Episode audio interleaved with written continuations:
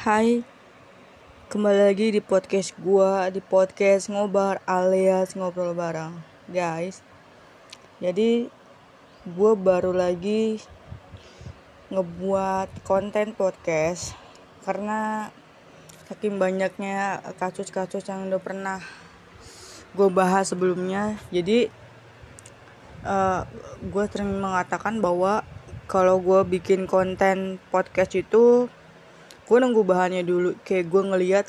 Jadi gue tuh harus ngeliat uh, berita-berita terbaru update-update terbaru dari banyaknya berita yang sedang beredar di sosial media di televisi di radio di media cetak dan sebagainya.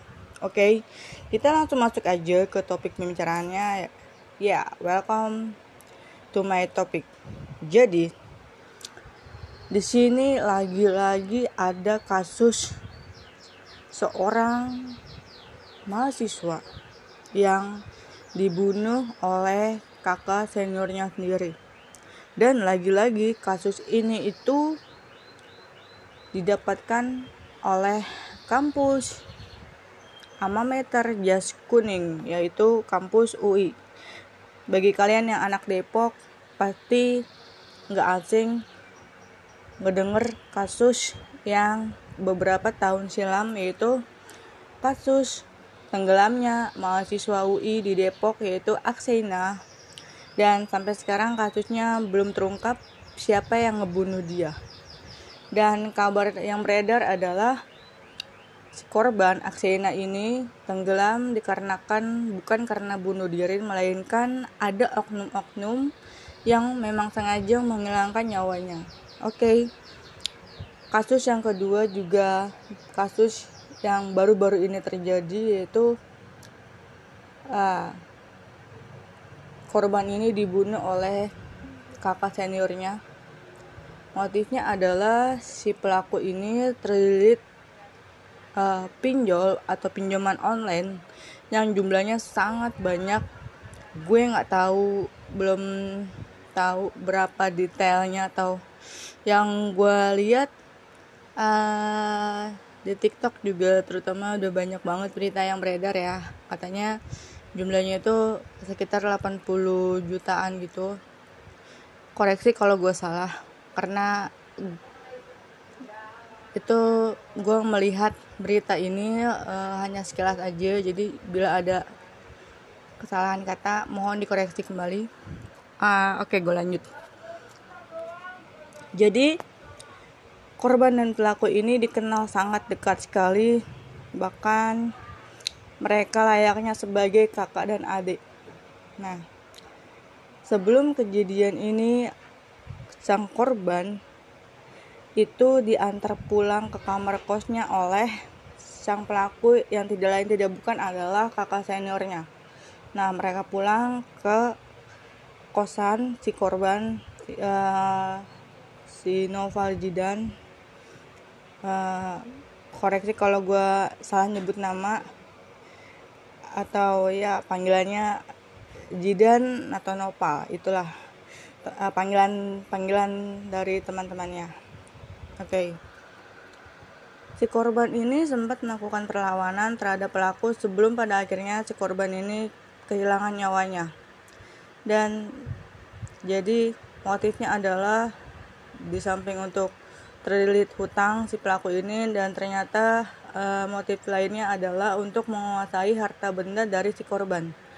Jadi mereka berdua sempat melakukan adegan pertikaian dan si korban ini mencoba melakukan pembelaan terhadap dirinya tetapi nyawanya tidak selamat dikarenakan tim forensik polisi Depok yang menyelidiki kasus tersebut kepada korban menemukan ada sejumlah cincin yang tersangkut di tenggorokan korban sehingga hasil otopsi dan sampai sekarang pun titik terangnya masih digali lebih lanjut dan lebih dalam terutama kepada sang pelaku. Dan gue menyampaikan turut berduka cita yang sedalam-dalamnya teruntuk kasus ini dan teruntuk keluarga korban. Semoga diberikan ketabahan dan kesabaran untuk uh, melewati masa-masa uh, kabar duka dan kita lanjut ke topik berikutnya. Di sini lagi rame banget rame banget beritanya yang di mana uh, di TikTok ya lagi-lagi nih di TikTok. Kayaknya TikTok ini adalah sebuah sumber berita yang paling cepat melakukan update ya seorang selebgram menuai kontroversi dan menuai kritikan dan hujatan dari banyaknya netizen atau pengguna sosial media Dikarenakan Telegram bernama Oklin ini tidak lain dan tidak bukan melakukan penistaan atau pelecehan agama menggunakan hijab. Dan tidak lain dan tidak bukan hijab merupakan salah satu pedoman yang digunakan oleh umat muslim yang tujuannya di mana yaitu menutup aurat dan itu diberlakukan memang harus benar-benar sesuai dengan anjuran dan sesuai dengan akidahnya. Tetapi si selegram tersebut menyalahgunakan penggunaan hijab yang akhirnya menuai kontroversi, menuai kritikan dan hujatan. Hujatan-hujatan negatif pun mulai bermunculan di akun sosial milik Telegram tersebut, yaitu Oklin. Dan kabarnya kasus ini sampai sekarang belum ada yang melaporkan ini ke pihak uh, Kementerian Agama atau pihak-pihak yang memang melakukan aktivis uh, penanganan pelecehan terhadap agama atau penistaan terhadap agama sampai sekarang belum ada tindakan apa pun dari petinggi-petinggi yang memang bekerja di bidangnya seperti ini. Dan gue sebagai seorang muslim juga pastinya marah dan gue gak terima atas apa yang dilakukan oleh selebgram ini. Dan ini merupakan tindakan yang tidak wajar dan sangat tidak etis banget. Maksud gue kalau dia Oklin maksud gue pengen bikin konten dewasa jangan menggunakan hijabnya. Baju dia memang selalu kelihatan ketat. Nah nggak apa-apa lu bikin konten terserah lu mau bikin konten apa pun tapi tolong jangan menggunakan hijab. Atas dasar lu bikin konten biar lu terkenal biar lu dapet duit. Gua nggak peduli dengan cara lu gimana pun itu dengan dapat uang tapi tolong penggunaan hijab yang dia lakukan sangat dikecam oleh netizen. Karena itu sangat-sangat menyimpang banget sangat-sangat tidak tidak sesuai dengan ajaran yang diajarkan oleh agama muslim sebagaimana wanita menggunakan hijab. Nah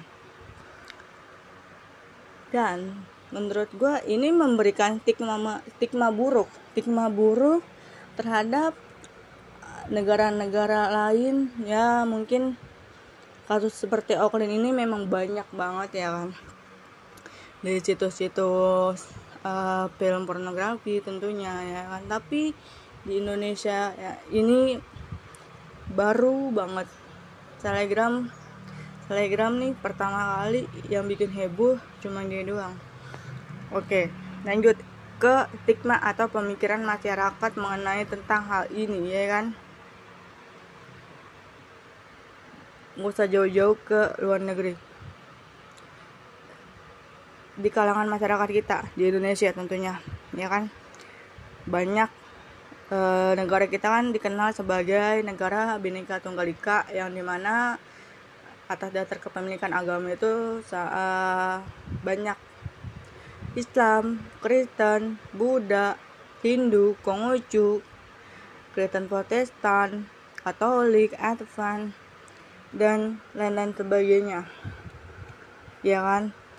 Mereka memiliki toleransi yang begitu baik dan bagus. Namun, hal yang gue takutin adalah ketika salah satu oknum melakukan tindakan yang tidak terpuji ini, di sini gue mulai muncul rasa takut bahwa bagaimana nantinya mereka memberikan stigma atau pemikiran negatif terhadap wanita-wanita yang berhijab itu cenderung memiliki sifat yang sama seperti si Oklin ini.